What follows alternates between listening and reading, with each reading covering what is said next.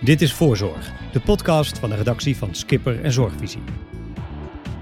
Hartelijk welkom en fijn dat u luistert naar Voorzorg, de podcast over de gezondheidszorg in Nederland.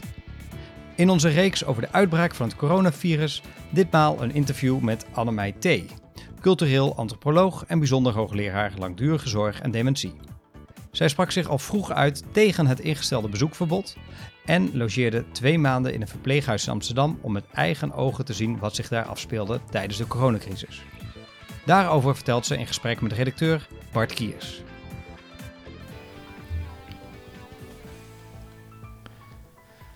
Waarom besloot je om twee maanden te werken in een verpleeghuis in Brabant? Ja, dat is een uh, grote vraag. Ik, uh, ik werk in de langdurige zorg, dus ook in een verpleeghuis. Dus ik heb veel contact met verpleeghuisbewoners en mensen die er werken, familie. En toen de corona kwam, toen bleef ik contact met ze houden. Maar ik kon uh, de mensen in levende lijven steeds minder ontmoeten. Dus het was door de telefoon. En ik hoorde ja, hoe door die lockdown hun leven compleet veranderde.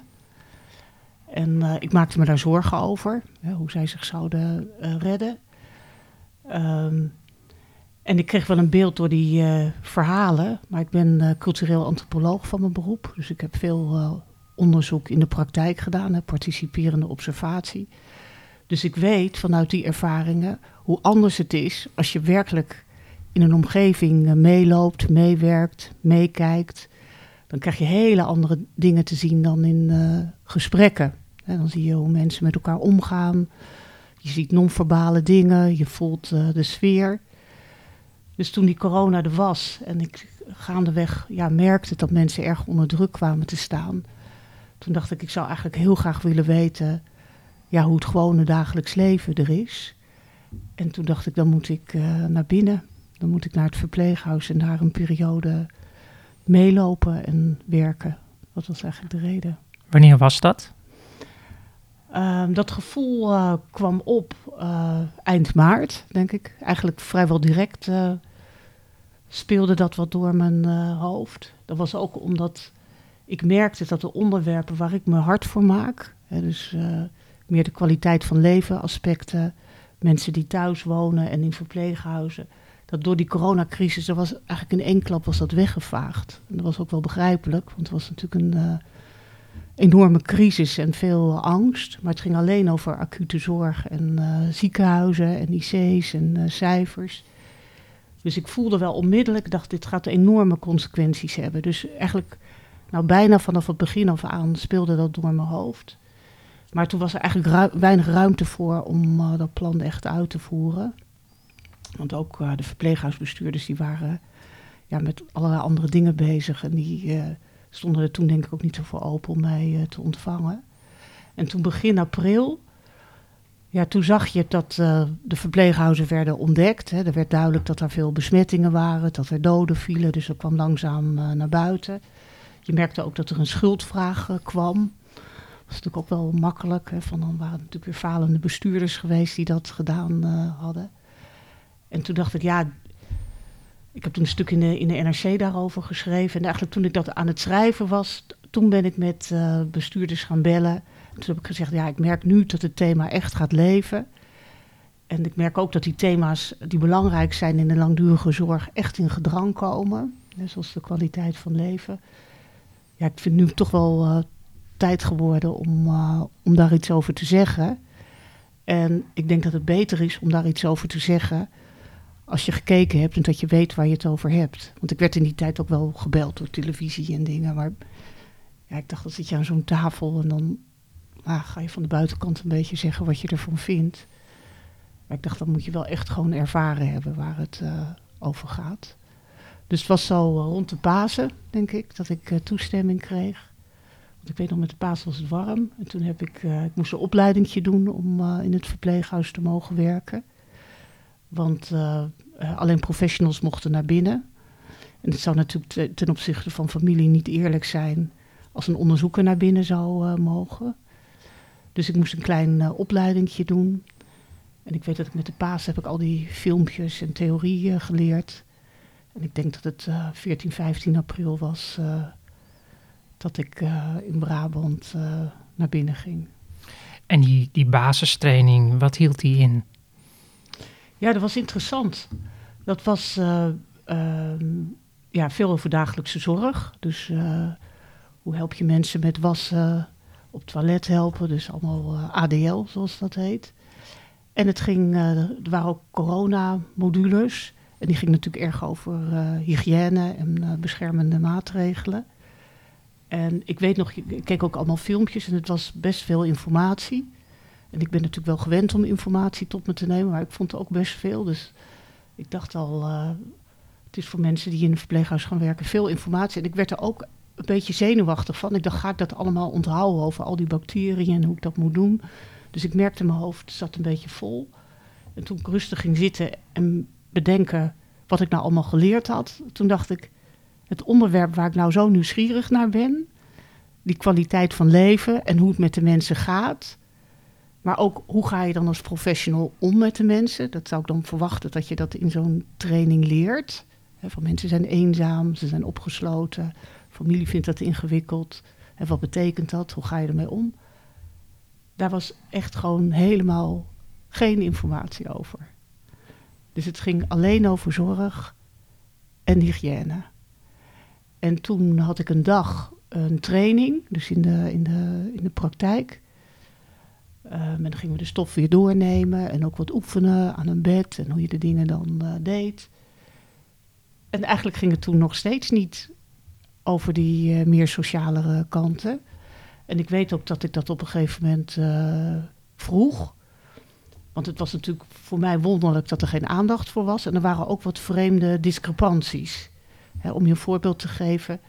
Ik kreeg helemaal uitgelegd over hoe je mensen moet wassen en dat, er, dat je ook tussen de huidplooien goed moet wassen, want uh, dat er bronnen van infecties zijn. Daar werd echt veel aandacht aan besteed. En dat ik dacht, ja, als ik dat allemaal moet doen, hoe hou ik dan die anderhalve meter afstand hè, die ook moet? Dus toen zei ik ook, ja, in de badkamer gaat dat dus niet. Nee, dat ging dan ook niet. Dus, maar ja, er was dan verder ook niet zoveel aan te doen. En toen zei ik, nou, als ik dan die meneer of mevrouw vervolgens in de woonkamer aangekleed op de bank uh, zie zitten. En die is toch verdrietig omdat ze haar kinderen niet meer kan zien. Of dat ze niet begrijpt dat ze opgesloten is. En ze begint bijvoorbeeld te huilen of ze is verdrietig. Uh, mag ik dan wel naast haar gaan zitten en een hand vasthouden of troosten? En ja, toen was het antwoord, nou, ja, ja, beter niet. Hè. Of het werd niet helemaal gezegd van, het mag helemaal niet, maar nou, je moest toch voorzichtig zijn. Dus dat betekende korte basiszorgmomenten. Dus zo snel mogelijk de kamer weer na die dagelijkse zorg verlaten. En uh, nou ja, troosten zonder anderhalve meter afstand te houden. Allemaal beter niet. Moest voorzichtig zijn. En toen dacht ik, dit is nu precies eigenlijk waar het over gaat. Hè? Dus dan wordt dat, uh, die dagelijkse zorg en de hygiëne wordt veel belangrijker gevonden of dat is eigenlijk één en dat andere, dat is iets extra's. En dat, dat valt dus nu gewoon uh, weg. Dat kan je beter niet doen. Terwijl mij, in mijn optiek het in de langdurige zorg en verpleeghuizen gaat om en-en. Natuurlijk moet je veilig zijn. Niemand is tegen veiligheid. Natuurlijk moet er hygiëne in acht worden genomen. Maar het gaat ook, en juist misschien wel vooral over ja, dat mensen nog een goede tijd hebben. En, en, en hoe ze zich voelen. En daar afwegingen maken. En natuurlijk drukte die corona daarop. Maar het dilemma wordt niet anders. Hè? Alleen je moet zoeken naar andere oplossingen. Dus ik vond het tijdens die opleiding vond ik het toch wonderlijk dat ik dacht die integrale benadering die in die langdurige zorg, ja, die we voor zo voorstaan, hè, waar we ook trots op zijn, dat ik dacht ik zie dat in de lesstof niet terug. Ik zie dat ook in die praktijklessen niet terug.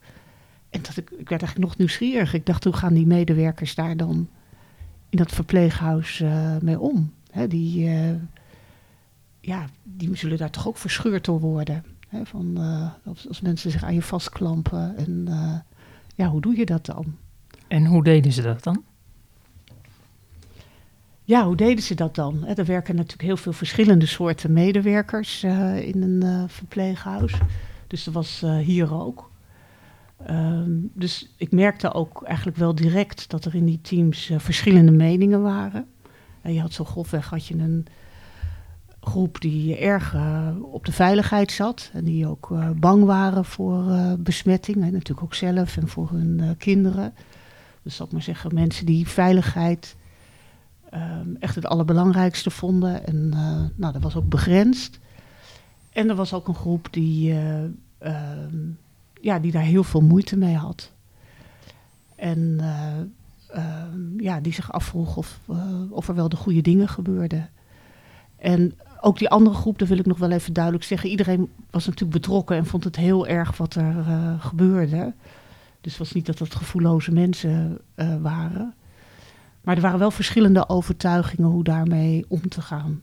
En ik kwam daar binnen, ik denk dat het een week of vier, vijf, ja, ik denk een week of vijf was na de lockdown. Dus mensen zaten ook al een tijdje uh, op hun kamer. Waar ik was, uh, hadden mensen eigen appartementjes en gezamenlijke ruimtes. Dus ze zaten eh, alleen op hun uh, eigen appartement. En um, ik vroeg medewerkers daar, die zeiden, ja, je gaat, je gaat wel echt nu merken dat mensen heel veel last hebben van uh, dat isolement. Ze worden stiller, uh, ze trekken zich terug, uh, gaan achteruit. ze hebben het moeilijk. Dus je zag eigenlijk die wrijvingen ook wat. Van ja, hoe, hoe ga je daar dan mee om? En ik zag dat, um, nou dat die, die kloof die ik beschreef tussen badkamer en de woonkamer dat zag ik wel dat, uh, uh, dat medewerkers natuurlijk wel gingen troosten. En niet dat ze mensen helemaal in hun armen hielden, maar een hand op een schouder of bleven wat langer staan. En, uh, dus ze zochten echt wel de rek op om daar wat mee te doen. En um, later, maar dat was eigenlijk pas toen ik er een tijdje werkte. En het is misschien ook nog goed om te zeggen, ik werkte in dit huis. Ik kon maar in één huis zijn, want anders, in één afdeling, want anders was er kruisbesmetting. Maar ik door mijn werk heb ik contact met heel veel mensen in verschillende verpleeghuizen. En er was ook nog een ander verpleeghuis waar calamiteitenonderzoek heb gedaan, waar veel corona was geweest. Dus wat ik allemaal nu zeg is niet alleen gebaseerd op uh, die plek. Maar toen ik langer met het onderwerp bezig was, toen hoorde ik wel steeds meer verhalen van uh, dat s'avonds wel eens de deur werd opengedaan en dat toch dan een familielid uh, binnen werd gelaten. En hoorde ik ook dat het s'nachts toch soms wel een beetje druk op de gang was. Want dan gingen mensen uh, toch op de gang lopen en uh, ja, gingen medewerkers niet direct zeggen van je moet weer uh, terug. Dus ik zag wel na een tijdje van dat er parallele werelden waren. En um, ja, dat er een soort marge was waar medewerkers dan verschillend mee omgingen. Maar daar heb ik eigenlijk in al het werk wat ik in de zorg heb gedaan. Ik heb ook lang in een uh, ziekenhuis uh, meegelopen. Het ging over hele andere dingen. Daar ging het over stervensbegeleiding en uh, morfine geven. Dus mensen die aan het sterven waren, dat laatste zetje. En daar zag je ook dat buiten kantooruren, dat verpleegkundigen die dan heel erg betrokken waren en dan dachten van mensen zijn aan het lijden. Die zochten dan precies die dokter op waarvan ze wisten, daar kan ik een goede afspraak maken over verhoging van morfine en dan kan iemand rustig overlijden. Um, dat zag je daar ook. Dus ik, ik heb dat in, mijn hele loopbaan heb ik wel gezien dat er parallele werkelijkheden zijn. En dat mensen dan ja, een beetje verborgen um, toch ruimte proberen te scheppen om uh, dingen die in hun optiek goed zijn om te doen, toch, toch te doen. En dat zag ik hier ook. Kun je een voorbeeld geven van wat je zag s'nachts op de gang? Um, ik zag, uh, er waren verschillende bewoners die, uh, die wel hun uh, kamer verlieten of probeerden te verlaten. En de meeste werd dan gezegd van, dat mag niet, u moet weer terug. Het is heel vervelend, maar door corona en die deden dat ook wel. Maar er waren ook mensen die persisteerden daarin. Dus die gingen iedere keer weer uh, de drempel over. Er waren ook mensen met dementie uh, bij. En uh, er waren mensen die dan zeiden van... oh, ik ben vergeten dat ik niet de gang op mocht. En medewerkers vertelden daarover, en dat zag ik zelf ook wel... Hè, dat die dementie soms ook een beetje wordt gebruikt om dan wat ruimte proberen te krijgen. Dus dat ze misschien helemaal niet vergeten waren... maar dat ze dan zeiden dat ze het vergeten waren... En dan zag je ook dat medewerkers ja, dat soms dan toch uh, ook wel toelieten. Dus ik weet dat er bijvoorbeeld een uh, mevrouw was. Um, ja, die voelde zich ook erg alleen en die ging zo nu dan bij haar buurvrouw op bezoek. En als er dan medewerkers waren die uh, dat begrepen, dan eh, lieten ze dat toe. Ik zag een meneer die eh, ehm, ja, een soort uh, sluiproute ontdekt had, dat hij uit zijn kamer kon en dan naar de kelder kon. En dan ging hij dan wat rondjes lopen om in beweging te blijven. Het was een coronavrij huis, dus je kan je ook afvragen hoe gevaarlijk dat is. Hij heeft dat een paar keer gedaan. Hij is waarschijnlijk toen toch wel mensen tegengekomen, maar die hebben dat waarschijnlijk toegelaten. En op een gegeven moment is tegen hem gezegd: dat mag niet meer. En toen is hij binnen Dus ja, je zag gewoon in de nacht en in de avond, als er minder reuring was, dat, er, dat, ja, dat bewoners toch wel wat meer ruimte kregen. En ik hoorde ook wel verhalen over ja, gewoon schrijnende verhalen over dat bezoek niet toegelaten mocht worden en mensen die er heel erg onder leden. En dat er dan toch werd gezegd, nou ja, als je om acht uur s'avonds uh, komt, dan doe ik de zijdeur open en dan kunt u, kunt u toch even uw vrouw zien met een mondkapje op of iets. Dat vind ik nou eerlijk gezegd echt de helden, als je dat durft te doen.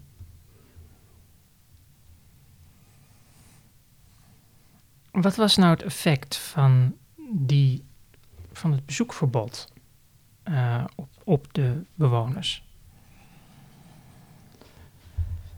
Ja, bewoners heb je ook weer een soort mate. Hè. Dus er zijn ook bewoners die, die krijgen eigenlijk nooit zoveel uh, bezoek. Dat moeten we denk ik ook niet uh, vergeten. Um, maar door de bank genomen um, ja, heb ik toch echt wel de indruk en ook wel de stellige overtuiging dat mensen daaronder leden. En uh, de een meer dan de ander. Hè, er waren natuurlijk ook mensen die, die, die konden bellen met elkaar of die konden beeldbellen met elkaar. Uh, maar er waren ook mensen waar dat veel ingewikkelder uh, voor was. Dus ik, ik heb toch wel echt de indruk dat, dat dat voor iedereen vervelend was. En voor sommige mensen echt heel erg. Hè, voor de bewoners, maar ook, ook voor familieleden. Hè. Ehm, en natuurlijk kinderen, maar uh, toch ook wel echt partners. En mensen die dan lang getrouwd zijn. En die dan iedere dag naar het verpleeghuis komen. En dat kan dan niet meer, die dat echt niet meer uithouden. Die natuurlijk ook in gaandeweg de tijd zagen. Het, dat mensen achteruit gingen. Het, dat ze leden onder die eenzaamheid. Dat ze ook bang waren, als dit nog langer gaat duren, dan, ja, dan herkent mevrouw me misschien niet meer. Hè? Um, die ook merkte dat, um, dat dingen die ze vroeger deden, hè, dus toch ondersteuning bieden, dat personeel daar niet altijd de tijd voor had. Dus dat ze daaronder leden. Dus ja, dat was toch heel aangrijpend en ook wel dramatisch. En er waren natuurlijk ook bezoeken, heb je ook allemaal wel gelezen, over op balkons en door open ramen heen. En nou ja, dat is tot op bepaalde hoogte is dat fijn, hè, dat er toch nog contact is. Maar ja, schreeuwen naar drie hoog. Of elkaar zien door een raam en toch niet mogen aanraken. Dat is ook allemaal moeilijk. Ik weet ook wel, en dat hoorde ik al vanaf het begin, dat er ook wordt gezegd dat uh, het bezoekverbod een bepaalde rust bracht. Ehm, dat er minder prikkels waren. En ik ken de cijfers daar niet van, maar dat er ook minder rustgevende medicatie gebruikt wordt. Ehm, ik kan me dat voor een deel wel wat voorstellen. Hè, dat, dat dat in- en uitlopen, dat dat ja, ook overprikkeling uh, kan bewerkstelligen. Maar ik vind het toch heel lastig om uh,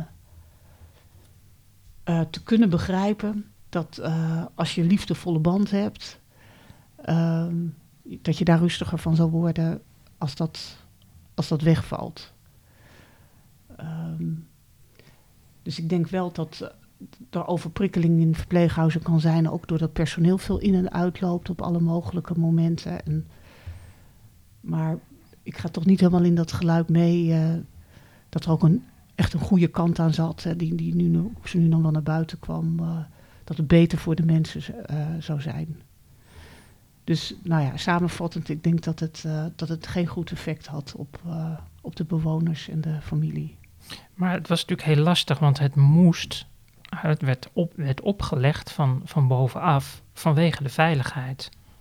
En het was ook zo van, ja, hoe, hoe als je het ver- versoepelt, dan krijg je verkeer, hè, mensen, en, en dan wordt het voor anderen min, minder veilig. Dus dat is, dilemma is ook wel ontzettend lastig voor bestuurders om daarmee om te gaan, Ja. die context. Ja, dat is ook gewoon zo. En ik ontken het dilemma niet. Het dilemma is. Het werd wel een duivels dilemma genoemd en dat is het ook. Dus eh, mijn verhaal gaat er helemaal niet over van eh, dat de boel open had moeten blijven. En, eh, want die andere kant is er absoluut ook. Als dat virus binnen de muren kwam, en dat heb je natuurlijk op veel plekken ook gezien. Ja, dan slaat het genadeloos toe. En besmettingen onder oude kwetsbare mensen, die eh, leiden toch eh, regelmatig of sneller tot de dood. Hè, omdat mensen al kwetsbaar zijn.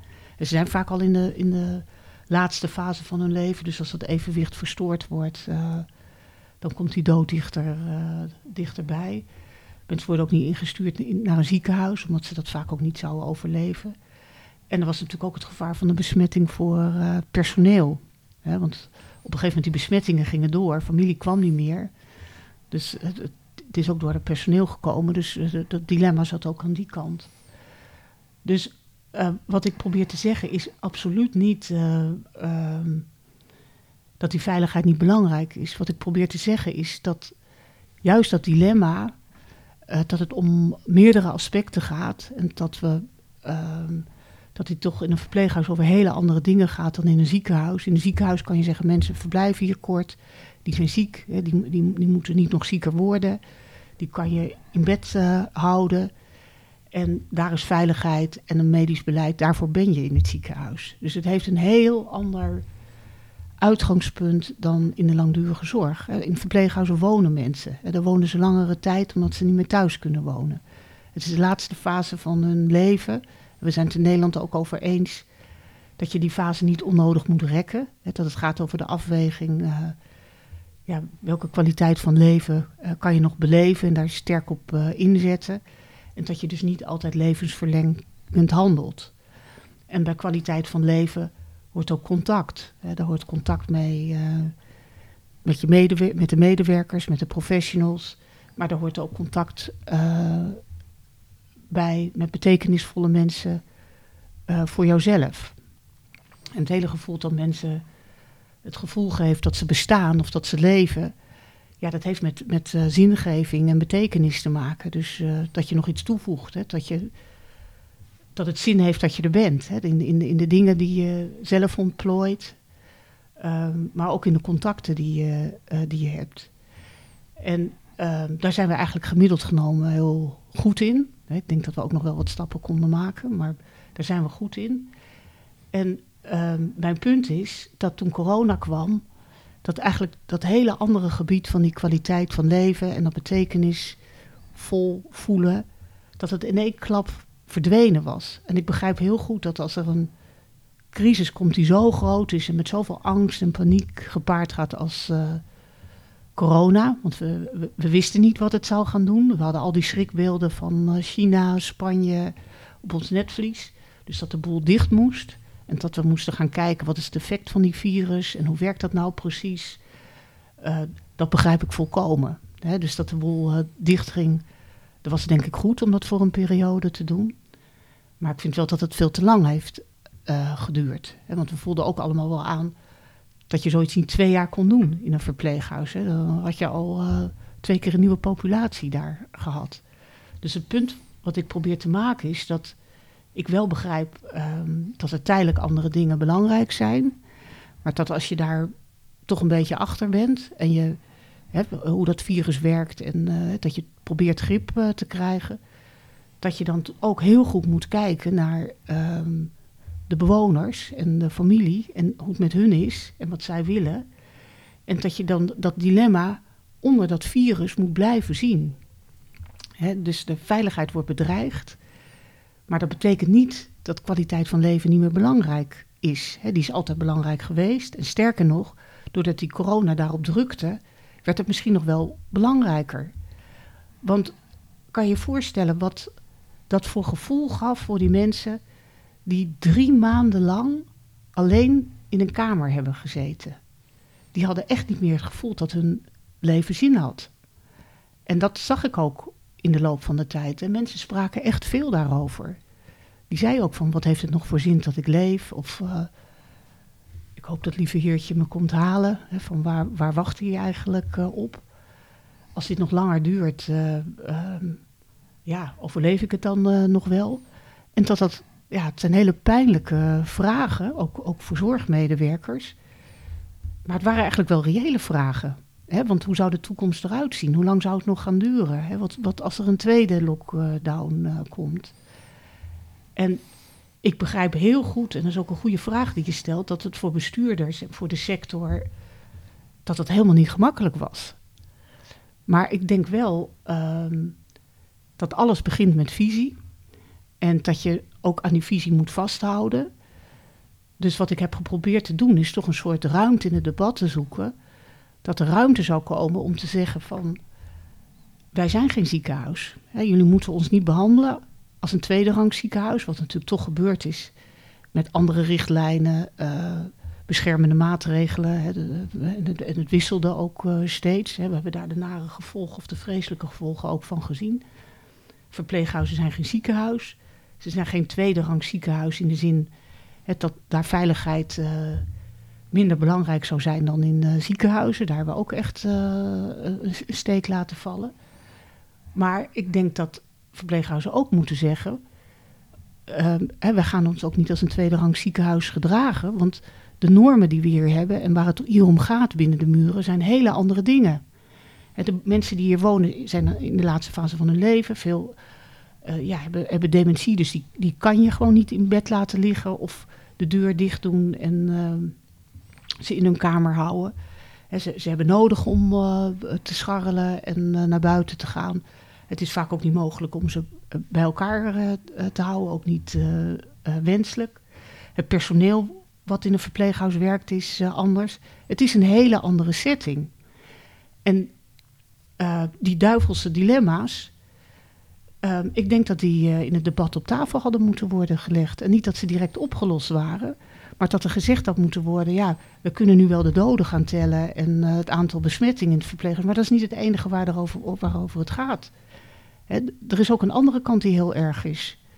En, en, dat werd op een gegeven moment ook wel gezegd. En ik vind het dan weer vervelend dat je het in, in termen van ergheid of in, in, in termen van doden moet gaan uitspreken. Maar mensen zijn natuurlijk wel dusdanig verpieterd dat er ook eenzaamheidsdoden gevallen zijn. dat, en dat is niet een term van mij, maar dat was ook wel wat managers zeiden. direct toen ik daar uh, de eerste dagen was, zei een manager: Nou, ik denk dat de eerste eenzaamheidsdode dit weekend is gevallen. En mevrouw, die op, op, ze hoorde haar stem op de gang: Help me dan toch, help me dan toch. Die helemaal de grip verloor, die de familie uh, miste. Um, ja, die, die het gewoon niet meer uh, kon redden. Dus ik denk die andere kant belichten en zeggen van het gaat over het geheel. Ja, dat, ik vind dat dat te weinig is gebeurd. Is dat dan ook de belangrijkste les voor een eventuele tweede golf? Want hoe moet je het dan doen? Ja, ik denk uh, dat dat een belangrijke les is voor de tweede golf. En ik denk ook wel, als ik zo de berichtgeving zie, dat dat daar ook wel consensus over is. Hè, van uh, niet, niet de verpleeghuizen direct weer helemaal op slot. En daar hoor ik ook de sector wel over. Hè, dat bestuurders ook zeggen, dat gaan we niet meer op zo'n manier doen. als er natuurlijk weer uitbraken komen, hè, die je nu ook weer voorzichtig is, er en der ziet. Dan zal je wel weer maatregelen moeten treffen, maar misschien veel meer lokaal, hè, veel meer op een afdeling. Um, dus meer maatwerk, om maar zo'n woord te gebruiken. En ik denk dat een ander aspect ook is um, ja, dat je bewoners en familie daarbij moet betrekken. He, van het ging heel erg over veiligheid, dat is de ene kant, maar het werd ook allemaal top-down opgelegd. Terwijl uh, we zijn in de langdurige zorg, of eigenlijk in heel Nederland in 2020, zijn we natuurlijk gewend om dingen toch wel in overleg te doen en mensen daar een zekere vrijheid in te geven. We hadden in de samenleving ook een intelligente lockdown. Dus we maakten ook voor een deel eigen afwegingen. En in verpleeghuizen is dat ook niet gebeurd. We hebben voor een hele grote groep mensen, hebben het omwille van hun veiligheid, is er besloten om het zo te doen. En ook voor familieleden. Er is niet met hem het gesprek aangegaan van... eh, willen jullie dat wel? Hè? Of wat zijn voor jullie persoonlijk de afwegingen?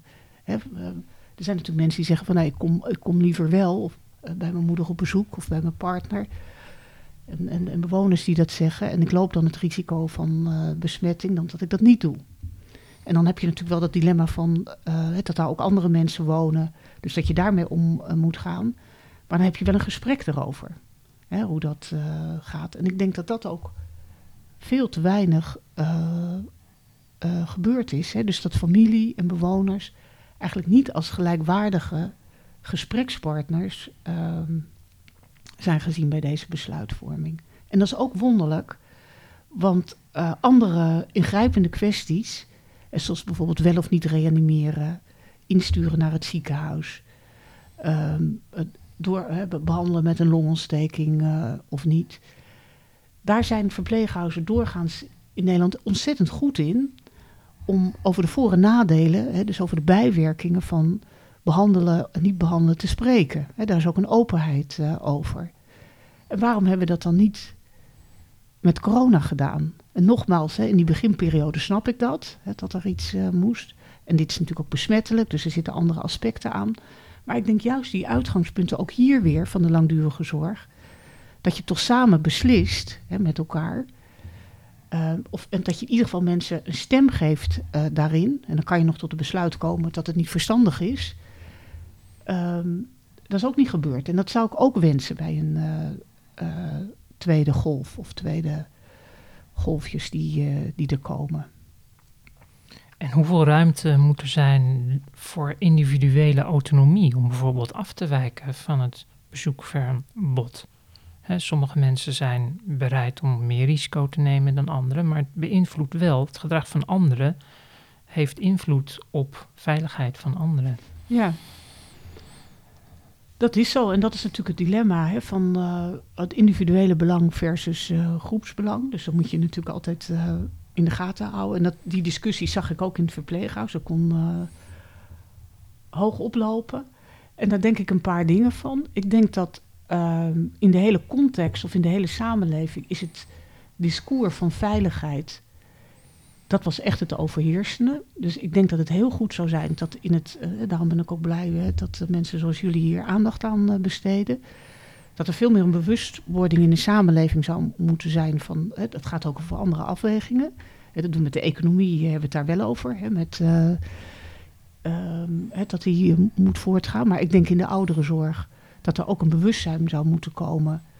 Ehm, het, het is een afweging. Hè, dus voor, voor mensen zijn andere aspecten belangrijk. Dan gaan we daar ook op zo'n manier eh, over nadenken.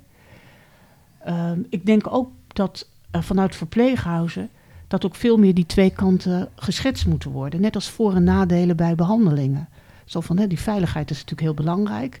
Maar ja, we weten ook allemaal dat eh, op het mens zijn afgesloten worden, dat dat ook effecten heeft die niet goed zijn. Dus dat is een moeilijke afweging om te maken. Dus ik denk dat de voorlichting ook ehm, veel meer eh, integraal moet zijn. En ik ben zelf wel geneigd eh, dat er ehm, toch behoorlijke ruimte voor individuele autonomie zou moeten zijn hè, van de, in, de, in de familie. Ja, mits je daar natuurlijk de groep niet eh, mee in gevaar brengt. En er is natuurlijk toch wel veel creativiteit mogelijk. Ik ben in toen de verpleeghuizen weer open gingen, ook wel eh, meerdere verpleeghuizen geweest. En dan zie je ook een verpleeghuis op de begane grond met een tuin. Of dat mensen een kamer aan de tuin hebben. En dan kan je natuurlijk via de tuin, kan je zonder dat je met de rest eh, van het verpleeghuis eh, in aanraking komt, kun je natuurlijk toch wel dingen bedenken. Waardoor mensen ruimte hebben om eh, familie eh, eh, te zien. Dus ik denk eh, bij die individuele autonomie toch maximale creativiteit en bereidheid tonen om tot oplossingen te komen, eh, dat dat heel goed zou zijn. En in verpleeghuizen is natuurlijk soms ook wel de norm. Als je het bij de een doet, dan, hè, dan is roes dan voor de ander. Maar ik denk dat dat toch ook wel een beetje bij maatwerk hoort. Dat je, eh, dat je ook gewoon in die individuele gevallen heel goed moet kijken. Wat is nu eh, het beste?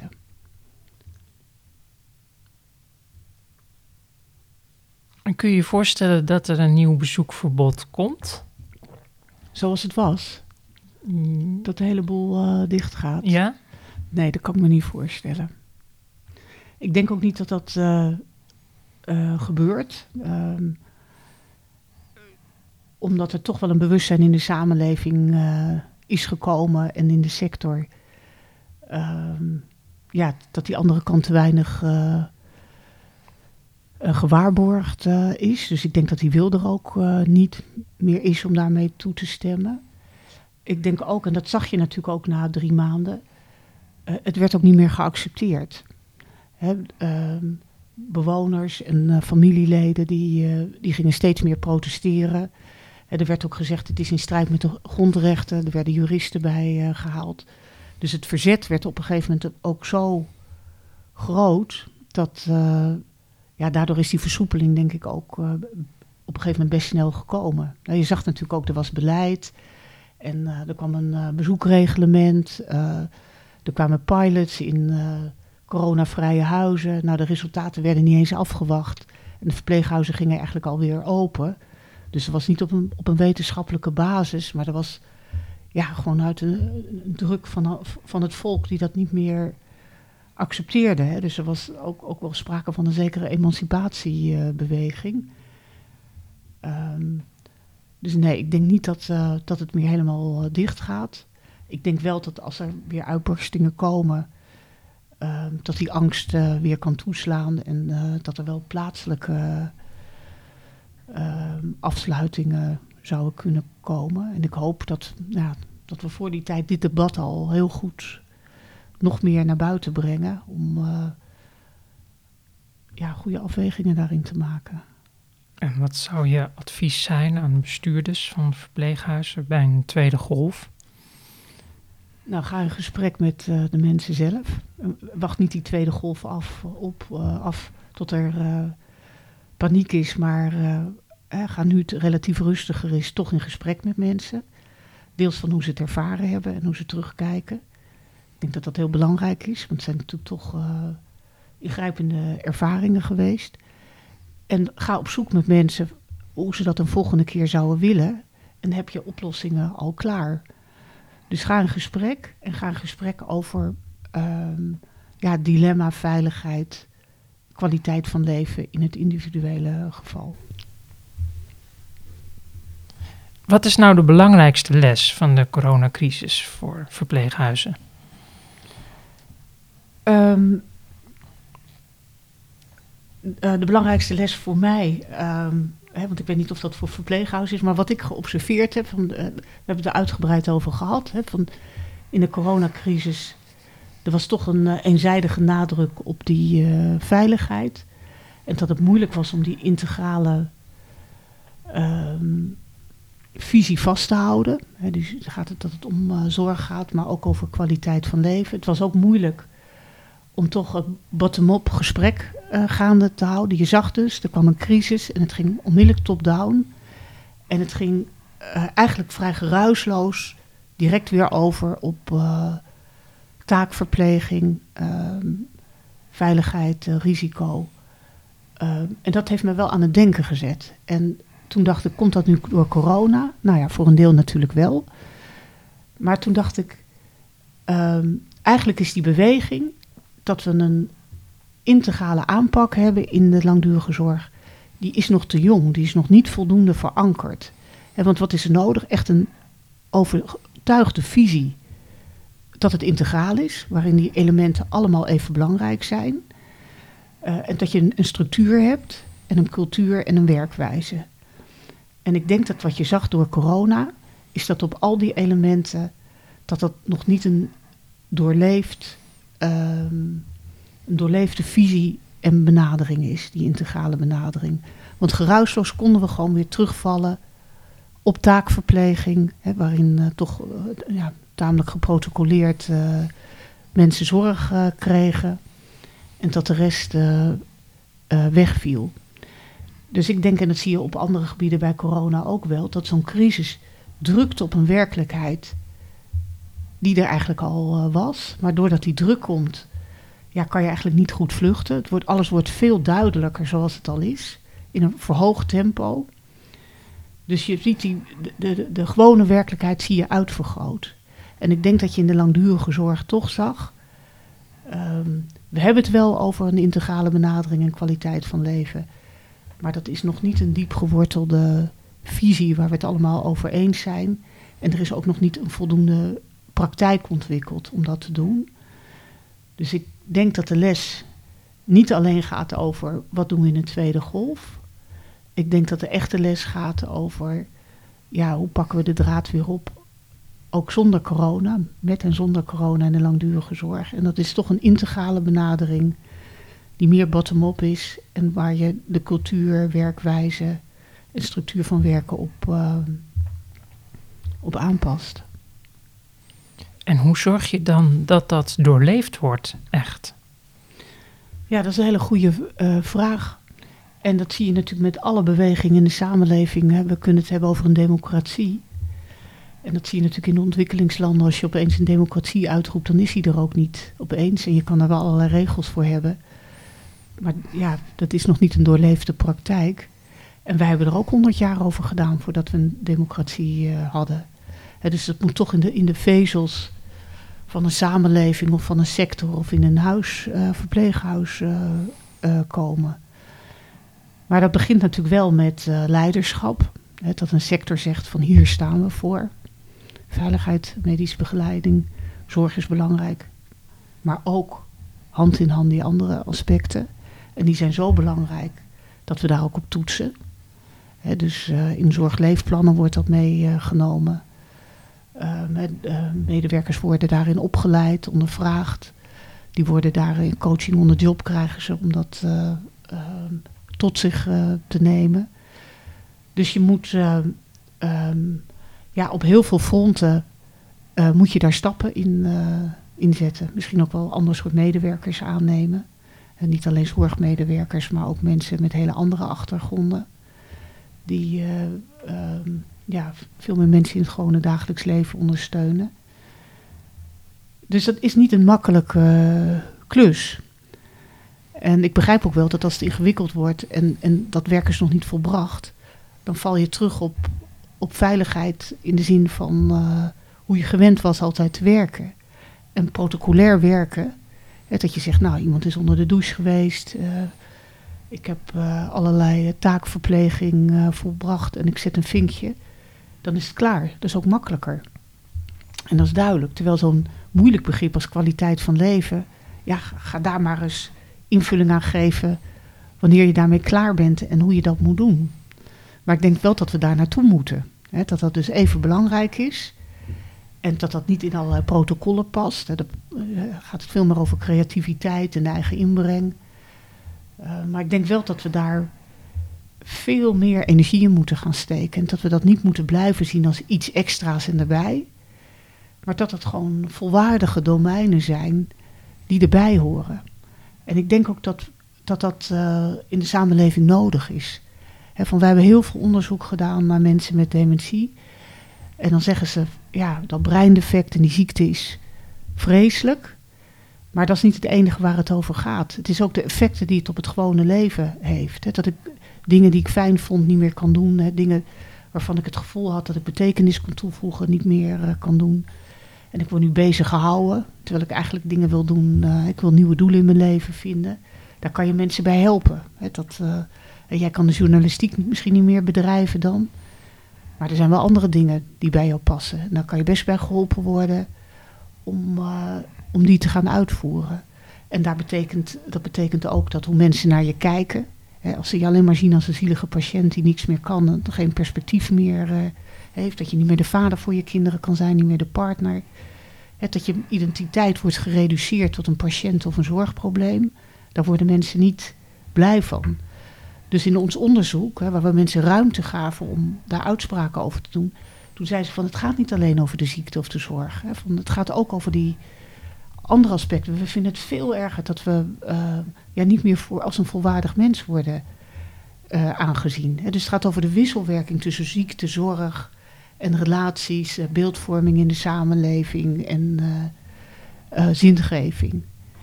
En ik denk dat als we dat doen, dat mensen die het betreft niet alleen zich prettiger gaan voelen. Dus dat hun kwaliteit van leven omhoog eh, gaat.